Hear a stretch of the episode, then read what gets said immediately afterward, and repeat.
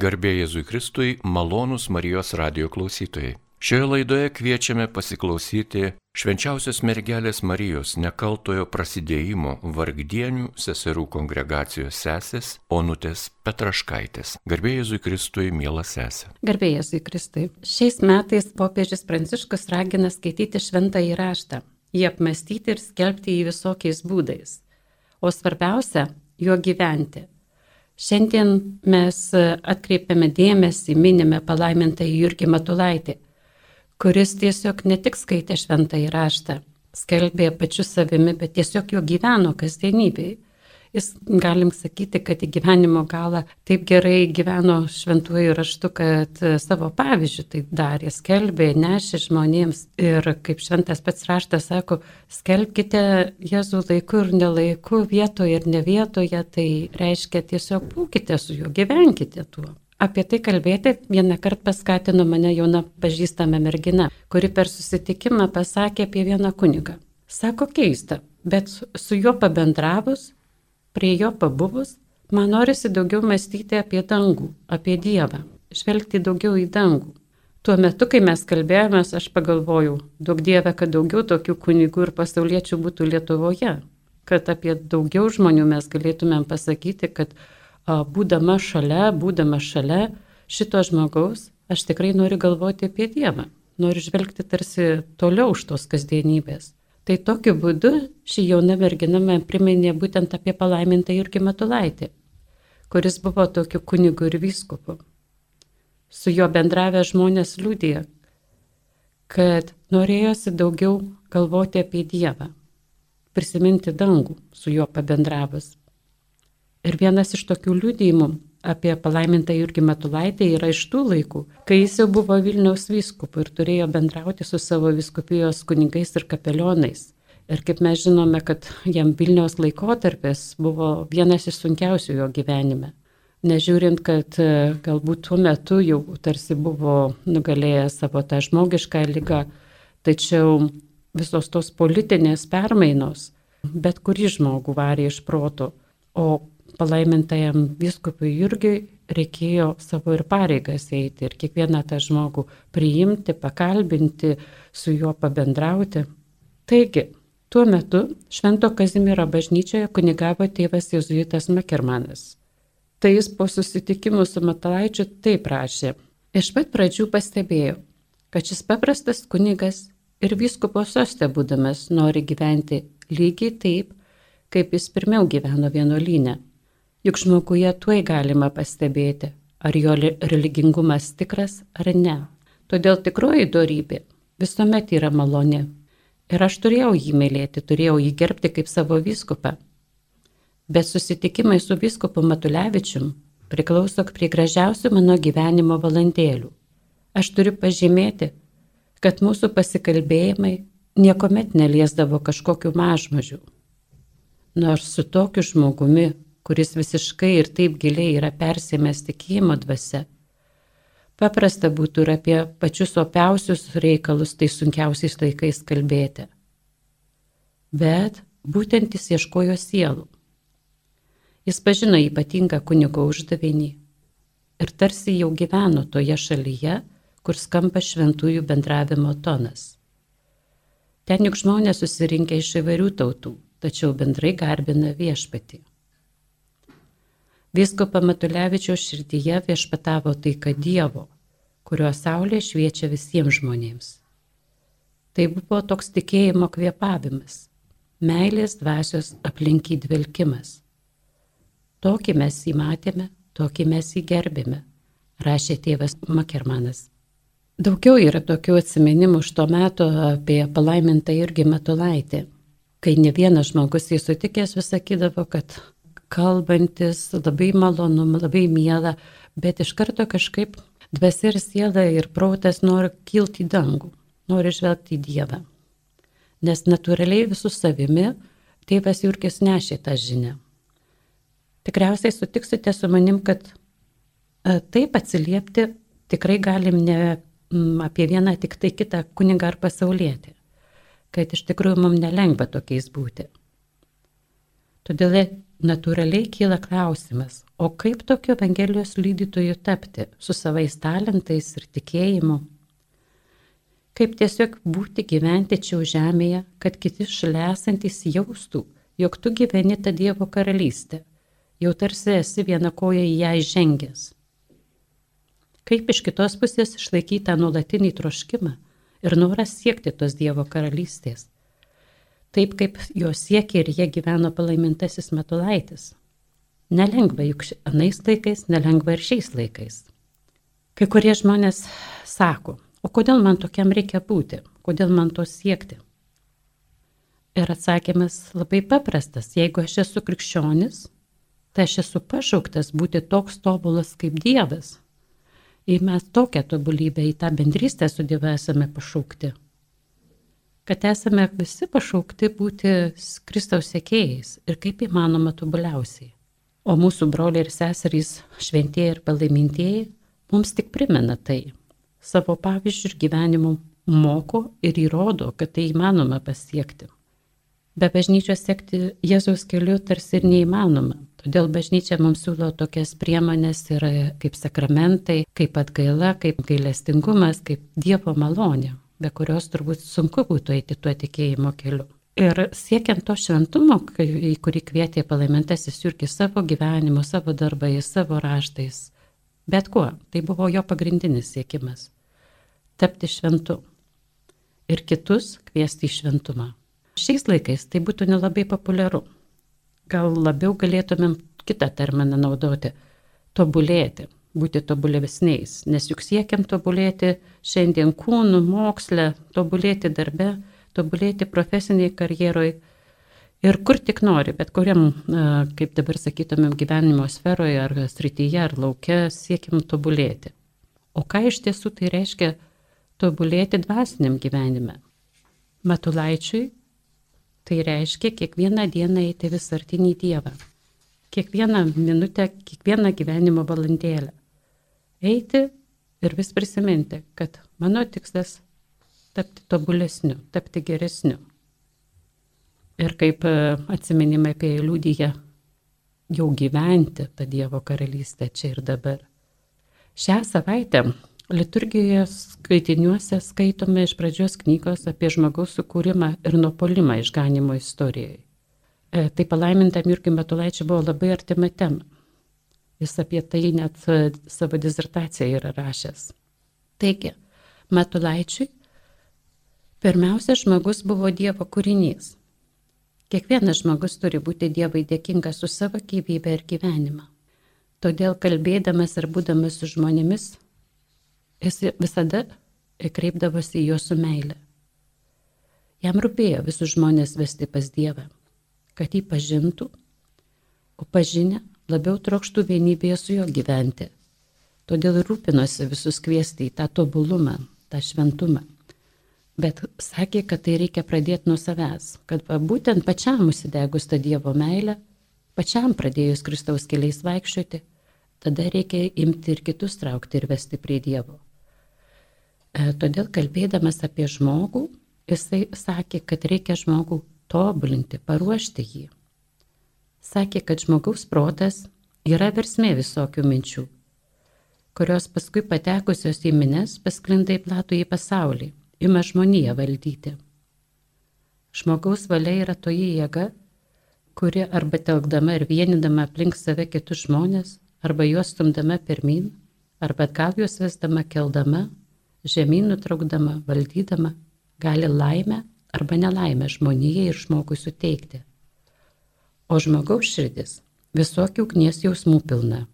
Gali būti jėga kitus sušildančia, uždegančia, sukaitinančia, kaip garas ir elektra, prie gero darbo patraukiančia ir pastuminčia, arba vėl kenksmingų gaivalų, viską sunaikinančiu. Todėl svarbu žmogų gerai, tinkamai Kristaus dvasioje išauklijus, jo protą tikra pilna tiesa apšvietus jo valiai Dievo valios rankas atidavus. Per ką? Per įsakymus, patirtis, priedermės, pašaukimą, įkvėpimą, aplinkybės. Kad viską, visus ryšius stipriai suėmus ir Dievo malonę, kurią mūsų motina bažnyčia per sakramentus ir kitokiais būdais gausiai mums parūpina, kurią mums pats Dievas taip gausiai duoda, kad per tai sustiprinus žmogaus širdį karštą Dievo ar artimo meilę uždegus. Todėl mokė, kad su žmogaus kūnu, kaip su savo kūnu, reikia mokėti protingai apsėti, kad jis būtų palankus įrankis sielos rankose. Ir kai kūnas kyla prieš proto, apšviesto tikėjimo šviesa paliepimus, reikia daugiau varginti. Kartais gal net ir aštresniem priemonėm pasinaudojant, jį apvaldyti, suvaldyti. Kada žmogus tikrai yra pasiryžęs verčiau mirti, negu savo Dievą, kad ir mažiausių nusidėjimų žrūstinti, kada žmogus jau nepatiria jokių ypatingų pagundų, ar tai nuo velnio, tai nuo sugedusio pasaulio, ar nuo savo sugedusių jautulių, tada jis jau turi žiūrėti į savo kūną kaip į viešpaties nusavybę, už kurios valdymą ir suvartojimą turės duoti apyskaitą. Taigi sakydavo, reikia žiūrėti, kad be reikalo sveikata nesumažėtų, neapsilpnėtų, kad jėgoms apsilpnėjus žmogus negalės tinkamai darbuotis, arba bent jau netaip gerai, nes tas varginimasis turi padaryti kūną palankesniu dvasios įrankiu o nebereikalingai sunaikinti ir sudildyti. Taigi, kuomet kūnas klauso dvasios, tikėjimo apšviesto proto, kuomet jis padeda mums darbuotis, tuomet jis yra mūsų prietelius ir draugas, sakytų palaimintasis Jurgis. Su kūno pagalba tada siela geriau dėl Dievo garbės darbuotis gali. Taigi, reikia kūnas tinkamai mylėti ir apskritai sveikatą branginti, saugojantis neperdėjus, neišlepinu savo kūnu, kad nebūtume jam per daug atsidavę rūpeščiui, kaip savo sveikatą apsaugojus ir palaikius.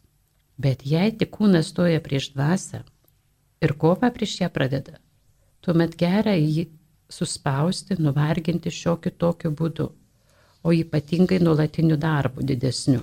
Tačiau kūnui susirgus reikia rūpintis jį išgydyti, kad vėl galėtume Dievui tarnauti ir iš visų jėgų dirbti dėl jo didesnės garbės.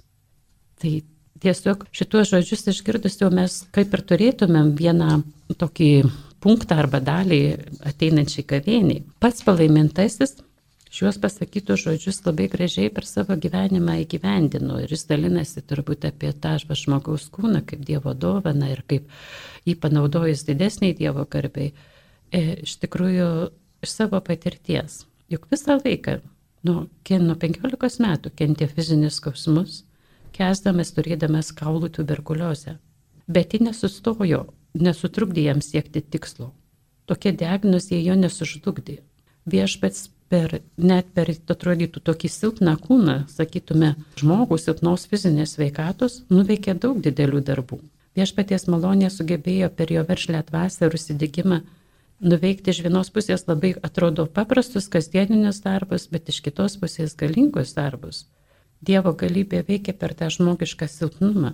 O juk ne kartą jis ir ligoninės iškentęs, ir tiesiog prie mirties arti buvęs, nepasidavė tokiam gniuždančiai tokiai jėgai, nepasidavė, kad čia jau viskas, kad čia aš jau nieko negaliu padaryti. Kaip tik jautė, kad Dievo malonė skatino jį eiti į žmonės, dirbti ir rašyti ir skelbti jo žodį, gyventi juo tiek, kiek jis gali, tiek tiek jis padeda atskleisti tą Dievo paslaptį, tą Dievo pažinimą. Taigi, tiek Matulaičio gyvenime, tiek savo gyvenimuose, kai atsigrėžiame į Dievą ir pradedame juos sekti, tai iš pradžių atrodo, kad viskas labai lengva ir paprasta. Tačiau, kai vis žengėme toliau tuo tikėjimo keliu, kaip Matulaitis sakytų, tokio, tokio dvasinio tobulėjimo keliu.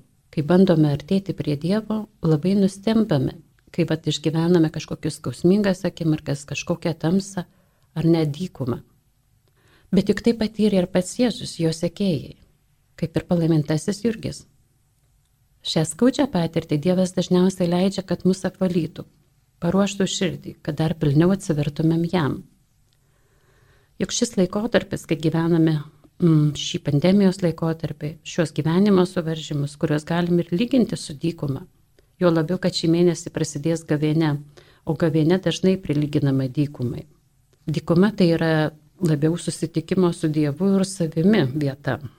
Galbūt natūraliai per šią gavėnę galėsime klausti, tai kokias mūsų gyvenimo dykumas kviečia mūsų šventoji dvasia, į kokį susitikimą su savim ir su Dievu ragina tas kvietimas išeiti į dykumą. Galbūt vieniems kalbės pranašo Ozėjo e, eilutės. Todėl dabar aš viliosiu tave į dykumą ir prašnekinsiu tavo širdį. Ten jie atiduosiu vynogynus, o choros lėnį padarysiu vilties durimis. Ten ji man atsilieps kaip savo jaunystės dienomis, kaip tą dieną, kada išėjo iš Egipto žemės. O gal kitiems labiau atlieps naujojo testamento eilutės, kaip Jėzus išėjo į dykumą ir buvo joje gundomas.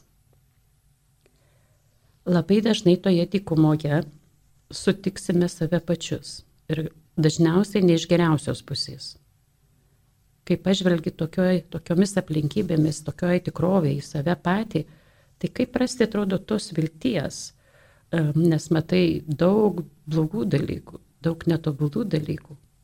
Kągi pasakytų mums palaimintasis Jurgis Matulaitis tokioje dykumoje, tokiam susitikime. Savo užrašuosės nekartą rašė.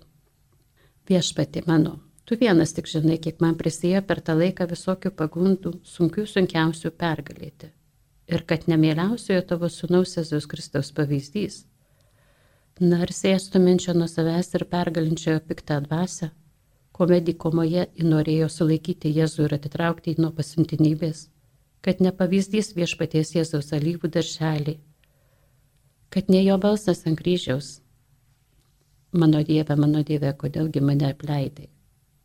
O tačiau pavedančio tam Dievui viskas, visiškai savo sielą į tavo rankas pavedu savo sielą. Ypač, kad ne tavo dangiškasis tėvė malonė, nebūčiau stengęs tų pagundų pergalėti. Nes vėl giliau žvilgterėjęs į savo gyvenimą, turiu pasakyti, koks visur viešpatė baisus prigimties sudikimas. Kokie negaliai, kiek visur netobulybių, paklaidų, Neviltis apimtų, kad taip didžiai nepasikliaučiau tavo neapsakomų gailestingumu. Matau viešpatį, kaip tavo malonės, gausiai tekėdamos nelikint srovės upelis, nuolat valo, nuplauja nuo mano sielos netobulybių dulkės ir nusižengimų purvus. Užtatai ačiū tau gailestingasis Dieve. Taigi, matome, kad palaimintasis Jurgis Metulaitis pirmiausia žvelgia Jėzaus pavyzdį kaip jis būtent nugalėjo tas pagundas ir sunkumus. Svarbiausia atminti, sakytų jisai, pasitikėti Dievo gailestingumu ir jo malonę. Nes be šito nepripažinimo, be patikėjimo, kad Dievas savo malonę gali padėti mums, nepajėgtumėm veikti kliučių pasitaikančių gyvenimo ir tikėjimo keliu einant. Kartais žmogui, kai tik einame toliau tuo tobulėjimo, tikėjimo keliu, tamsa atrodo didesnė, atrodo mus vis labiau gaubė. Atrodo viskas kažkaip netaip skanu, kaip pradžioje. Atrodo prieska, bet kad atsigautume tokiuose momentuose, sakytumėm tamsos dykumos momentuose, kurių mums Dievas suteikia norėdamas vis patraukti prie savęs, turime atsiminti pirmųjų tų žingsnių džiaugsmus. Todėl viešpats ir sako, kad išvesiu tave į dykumą, atimsiu iš tavęs viską, kas įprasta dažnai, tą įprastinę aplinką, tą komforto zoną, kad išgyventum ir prisimintum tą pirmąjį dvasinį džiaugsmą ir paguodę. Todėl dykuma dažnai tai laikas, kai Dievas nusprendžia žmogų, vis bandantį besislapstyti už kažko, arba už tokį pusiau taip, pusiau ne už dangaus, priremti prie sienos. Agriuvėjęsiais nuoboduliu tamsa o dar dažniausiai ir kažkokiais nusivylimais priremiamas prie tos sienos. Kartais net nuodėmės e, parodo, nuodėmės patirtim kažkokią ar viziją. Tada žmogus mato, kas jis toks vargšas padaras, trapi silpna būtybė, tarsi puikybės ir menkystės tik mišinys. Bet tada būtent ir prasideda ta tikroji kova ir viskas pasidaro jau tada rimta. Ir kodėl tai rimta pasidaro? Todėl, kad tai pasidaro tikra pradedame suvokti, ką galime, tai reiškia arba nieko, arba šiek tiek daugiau. Atrodo, tikėjome jausmų paskatinti, kad esam dosnus, o staiga pamatėm, kad esame egoistai. Galvojo, kad oi čia mes labai šventi esame, mokame melstis, mokame atkreipdėmėsi galbūt net į Dievą, O staiga tokiuose dykumose, tokiuose momentuose pasirodo nederamai ištarti tėvę mūsų nebegalim. Ką kalbėti apie žodį mūsų, jeigu jau tėvę nebeištarim normaliai. Tiesiog tokioj dykumoj, kioje akistatoje su Dievu ir savimi patiriame alkį, troškulį, vienatvę, pagundą ir visokius kitokius jausmus, kurių tik tai turime tuo momentu. Tada neturime kito pasirinkimo. Tu tik tai arba tobulėjai, arba regresuoji, arba kovoji, arba traukiasi iš mūšio lauko. Dažnas mūsų klausim, kam mums reikalingos tos dykumos, kam mums čia reikia to viso. Atsakymas turbūt būtų, kad labiau pajustumėm, labiau suvoktumėm, kad esam trapų žmonės, kad turim brangintą savo gyvybę. O apvalę nuo nereikalingų baimių, jausmų, nuo nepasitraukę iš to kovos mūšio, galime labiau tobulėti einant link Dievo. Tada iškyla tas tikrumas, tai, ko mes trokštame, tai, ko mes norime. Šiandien įvairiuose psichologiniuose straipsniuose labai dažnai girdime kalbą apie meilę savo. Pasilepinkim, mylėkim save. Tačiau iš tikro pasilepinti mylėti gali nebent turtingi žmonės. Juk darbdaviams nepaaiškinsi, kad va čia noriu daugiau galvoti apie savo vidinį pasaulį, noriu čia galbūt daugiau mestis. O jaunimas, suvokęs, kad už mokslą niekas neužmokės, turi pareikalauti savęs didesnių pastangų ir tikslo siekimo, turi prisimti daugiau atsakomybės. Ir tada koks nusivylimas, kai tai nepavyksta. O dar įtampa labiau išauga, kai baigęs mokslus jaunimas supranta, kad labai sunku įsitvirtinti darbo rinkoje. Ir kad net labai daug žmogui pasiekus ir uždirbus, paaiškėja, kad pasaulis taip greitai keičiasi, kad jei nori nuo jo neatsilikti, jokio polsio niekada ir nebus teks tobulėti, teks taikytis prie naujovių. Juk šiandien dažnai stebime susiaupu, kiek išmano jaunimas technikos ir kituose pasaulio dalykuose. Bet iš kitos pusės labai dažnai galvam, tai kodėl žmogus, tobulėdamas pasaulyje, nenori tobulėti dvasiniuose dalykuose? Kodėl labai greit nusiviliam tą dvasinę kovą? Kodėl taip greit pabėgame iš to dvasinio kovos mūšio?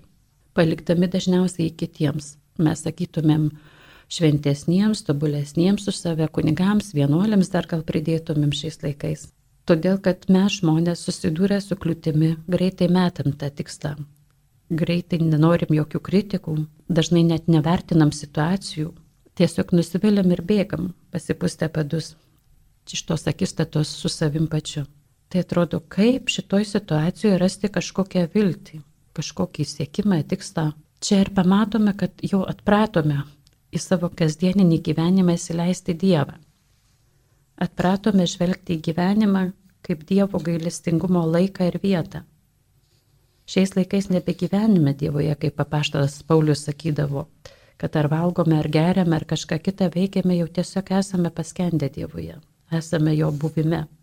Mums šiais laikais sunku būti Dievuje, sunku jį atsigręžti, nors visą laiką žmogus savyje jaučia tą poreikį jaučia poreikį kažko kilnesnio, dvasingesnio, kažko štai, kuris tą poreikį ilgėsi į Dievą, kuris skatina mus tobulėti, bet dažniausiai tobulėti tam išoriniam pasauliui, o ne dvasiniam. Todėl dažnai mums reikia palaimintųjų ir šventųjų, kad jie primintų, kad dvasinis gyvenimas tai kvietimas irgi tobulėti. Todėl, kaip palaimintasis irgi sakytų, Vėl žvengiam į pradžią. Į visų mūsų darbų ir sumanimų pamatą reikia mūsų pačių gyvenimo šventumas tiesti. Tik tada turės ant ko mūsų darbai tvirtai stovėti. Todėl nereikia gailėtis tam dvasiniam tobulėjimui nei laiko, nei triūsų. Svarbiausia tam darbui visą širdim atsiduoti, nes mums primena, Ką padės, kad ir visą pasaulį žmogus apgalėtų, pimtų, laimėtų, jie savo sielai padarytų nuoskaudą arba nuostolį. Ir dar jisai prideda vis nuolat savo užrašuose. Ir duok viešpatė, kad aš tai visada atminčiau. Ir tada sako, kaip pats keitiesi, patrauki prie Dievo ir kitus. Kaip pats tuo gyveni, tai kažkaip kiti man natūraliai klausti, o ką tu veiki, o ką tu darai gal ir man tas pavyktų, gal ir man visai galima tą daryti, tą pradėti. Todėl jisai kviesdamas e, tobulėti kitus sako, nuo savęs įsižiūrėjimo, tame Dievo ar savo susitikime į savo vidų susitelkti reikia. Ne nuo kitų peikimo, niekinimo ar žeminimo reikia pradėti Kristuje mūsų atnaujinimo darbas, bet nuėjimo į patį save, gilesnio įsižiūrėjimo į savo gyvenimą ir pasielgimą. Pradėti nuo savęs įsižadėjimo, nuo tikro žvisų jėgų stengimosi, bet savo gyvenimą pataisius, kiek galim tobulai gyventi pagal Dievo valią. Pirmiausia, pačiam pradėti Dievo keliais vaikščiot, o paskui jau rūpintis ir kitais, kad kiti imtų tais pačiais Dievo keliais vaikštinėti, rūpintis kitus patraukti paskui savęs savo pavyzdžių. Kodėl šiandien žmonės daug kalbėdami apie tobulėjimą, kaip sakiau, moksle, karjeroje, tam išoriniam gyvenime, kūno tobulėjimą, niekad neskuba tobulėti dvasiniam gyvenime? Ar noras tobulėti kyla savaime? Ar tai yra tai, prie ko mes esame jau įpratę ir kai gyvenimas priverčia mus išmėginti naujus dalykus, tie dalykai mums pradeda teikti džiaugsmą tik po kai kurio laiko, tik tada, kai įdedam pastangų. Ar tikrai, pavyzdžiui, mumise visada užgimsta noras gilintis į profesinės naujoves, ar ten sveikai maitintis, ar daugiau judėti. Gal tas noras aukti žmoguje turėtų būti natūralus, bet turbūt jis taip lengvai nėra girdimas tobulėjimo noras. Šiandien apie tai kalba daug psichologai. Ir jie būtų teisūs, sakydami, kad vat, būtent tą norą tobulėti savyje mes turime, bet taip nu, visais tais kitais dalykais taip jį nugramzdiname, kad mes jo net nežinom, negirdim. Pirmiausia, neatkreipiam dėmesio į save. Nenueinam į tą kambarėlį, kuris yra mumise, susitikti su Dievu savo širdyje. Net kartais neturim jokio noro apie tai galvoti. Juo labiau žinodami, kad tai kainuos pastangų, o mes pastangų įdė dažniausiai nenorime. Už tai linkę būti prie to, ko prie ko įpratę gyventi. Ir kai gyvenimas nori kviečia mus išmėginti naujus dalykus, mes nenorim to, nes naujovės kviečia kažką keisti, kažkur ten eiti, kažką daryti. Kol susiformuoja naujas įprotis, naujovė atrodo nemalonė, sunki, dirbtinė. O tas lengvumo ir patogumo pojūtis atsiranda jau kiek vėliau, kai jau mes įprantam. Aišku, būna tokių akimirkų, kai ilgai tinginiavus norisi kažką nuveikti. Bet jei žmogus neįsipareigoja daryti naujų dalykų, tarkim, neįstoja kur nors mokytis, nepakeičia profesijos darbovietės ar gyvenimo aplinkybių, tai tas noras ilgai netrunka, nes reikia įdėti pastangų ir save valdyti išmokti. Todėl Matulaitis mums sakytų, už tai žmogus yra palinkęs prie dvasiško gyvenimo tobulėjimą atidėti. Ar net apleisti, arba užmesti. Ir aišku, teisinsis, kad kokie kiti darbai e, pasitaiko. Bet kada žmogus taip duodasi įsitraukti į tų visokių darbų sukūrį, jam pačiam niekiek laiko nelieka. Taip be gyvenant, be dirbant, žmogaus dvasia pamažu įsenka, išdžiūsta, įsiblaško ir visiškai susilpnėja. Todėl mūsų dvasiai ataušus ir atšalus nebeturim kuo gyventi ir mūsų olumas ir darbai pamažėlę apmiršta. Taigi, pirmoji vietoje visada reikia statyti savęs tobulėjimą ir įėjimą į Dievą, primins mums palaimintasis Jurgis Matulaitis. Kasgi čia galėtų ateiti į pagalbą mums, jei ne pats Dievas? Kaip tą tobulėjimą pasiekti, kaip jo norėti? Prašykim Dievo maldoj. Amatulaitis sakytų, tada, kuomet mintys kylančios iš mūsų gedusios prigimties ar piktosios nedvasios drumščia mūsų dvasę, privalom labiau bendrauti su Dievu, ilgiau ir daugiau melstis, kad mūsų valia maldoje sustiprėjus galėtų piktam atsispirti. Kai pagundos jau būna sumažėjusios ar beveik apmirusios, kada jau jų vietą yra užėmę mūsų šventi geri norai ir troškimai, atsidusėjimai, tada galbūt mes nereikalingi tokių ginklų su tuo neprietelium grumtis, kaip sakytų Matulaitis. Tada galbūt mažiau laiko specialiai maldai galėtume skirti. Bet, kaip jisai mokė, mažiau galima melstis e, tokiam atskiriam gal laikė, bet reikia melstis nuolat, nesiliaujant, nes malda yra tas bendravimas, tas noras, tas ėjimas į Dievą. O melstis Matulaitis mokė, kad tai galima daryti visur ir visada. Ne tik lūpant ar esant kokioje bažnyčioje ar koplyčioje, bet reikia pratintis prie tokio nulatinio bendravimo su Dievu, tokios nulatinės maldos. Ar tai einant, ar tai kokį darbą dirbant. Ir kada tas darbas nereikalauja, kad, pavyzdžiui, protą būtumėm įtempę, turint kokią liuosesnę valandėlę laiko, einant nuo vieno darbo prie kito, su žmonėm kalbant, žodžiu visur ir visada galim eiti link Dievo trumpais atsidusėjimais. Tai tie trumpi atsidusėjimai tie akimirkos dvasios pakilimai dangun, tie Dievo ir artimo meilės jausmai, tas pažvelgimas į viską tikėjimo akimis nereikalauja ypatingų pastangų ar tam tyčia pašvesti laiko ir darbo niekiek nekliudo, o tik gaivina. Todėl jisai ragino, reikia pratintis prie tokios nulatinės maldos. Tai čia mums visiems, tiek pasauliečiams, tiek kunigams, kokioje vietoje bebūtumėm, mes galim prisiminti, kad visur einant link to tobulėjimo keliu arba einant link bendravimo su Dievu, galim išmokti tokių atodusių. Ir dėl tų atodusių, dėl to bendravimo bus mamyse mažiau tos tamsumos, to pasimetimo. Tada tos vidinės ir kovos ir pagundų laukas susilpnės. Mes čia galėsime mokytis bendrauti su Dievu ir atsiras pasitikėjimo daugiau savimi ir Dievu. Tada po tokio susitikimo su Dievu maldoj galėsime įveikti labiau visokias dykumas pagundas, nes jis jau bus tapęs mūsų nuolatiniu draugu. Būsime išmokę nuolat būti tiek širdyje, tiek gyvenime su juo. Tada, kaip Matunaitis pasakytų, įgysime tą platų žvilgsnį, tą laisvą žvilgsnį, pažvelgti į viską amžinumos akimis, įgyti tą Dievo vaikų laisvę. Čia tokia viena jo citata noriu prisiminti, kur sako, Kuomet žmogaus siela šventosios dvasios pagauta pakyla ir nuskrieja į tas aukštybės, kur švenčiausiai trybė nuo savam žmoje neapsakoma, neišreiškiama, begalinė darbė spindi šviečia, kuomet nuo tų aukštybių apėmė akimi šį pasaulį, tai koks jis menkutis mažas atrodo. Ir iš tų amžinumos aukštybių žvelgdamas į šį pasaulį išmoksti prideramai, tinkamai įvertinti kiekvieną šios žemės daiktą ir kiekvieną savo vietoje pastatyti išmoksti visais daiktais kaip, kaip po įrankiais naudotis. Dėl ko? Dėl didesnės Dievo garbės. Taigi, jei pilni tos Dievo dvasios būsime, viską galutinai turėsime apgalėti. O dvasios nepančiais niekas nesugebės surakinti. Nekalėjime neužkals, neištrėmime nebesulaikys. Įsiverš visur, pro visur prasimuš.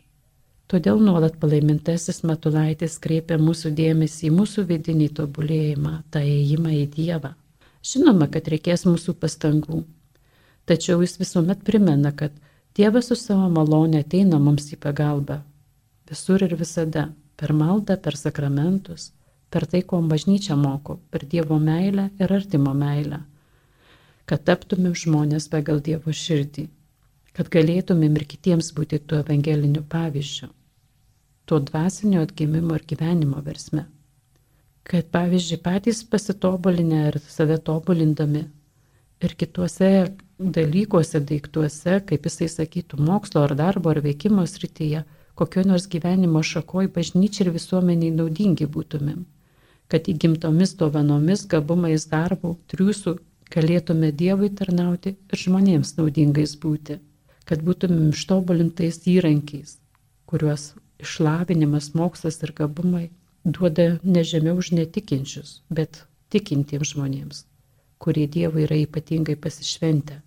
Ar pasauliečiai būtų, ar kunigai, ar vienuoliai, kad galėtų tais įrankiais sėkmingai naudotis, kad save ir kitus prie Dievo vestų ir patrauktų. Taigi, artėjant gavėniai, toks palinkėjimas būtų drąsiai eiti į tą gavėnios dykumą, susitikti su Dievu ir savimi kad sustiprinti jo malonę, džiaugsmingai keliautumėm prisikėlimo džiaugsmą, visada atmindami, kad turime eiti tikėjimo keliu, tobulėti ir tobulintis. Ir čia Matunaičia palinkėjimas būtų žengti drąsiai pirmin, kovoti dėl geresnės ateities, laimingesnio likimo, apsišarvoti vienybės ir solidariškumo jėga, tikybos ir meilės ginklu. Ir jums Dievas suteiks, kad visą tą turėsite ir nugalėsite. Ištikimai nugalėsite. Kur galėdami stropiai kovokite su tuo, kas bloga, priešai statydami, kas gera ir dora, kaip moko mūsų šventasis raštas. Saugokitės, venkite skleidžiamų žmonėse papiktinimų ir paklaidų ir ginkitės nuo jų. Bet gailėkitės iš klydėlių, nenustokite jų mylėję. Kiti tada jūs gerbs ir nesiliausite visiems gerai darę.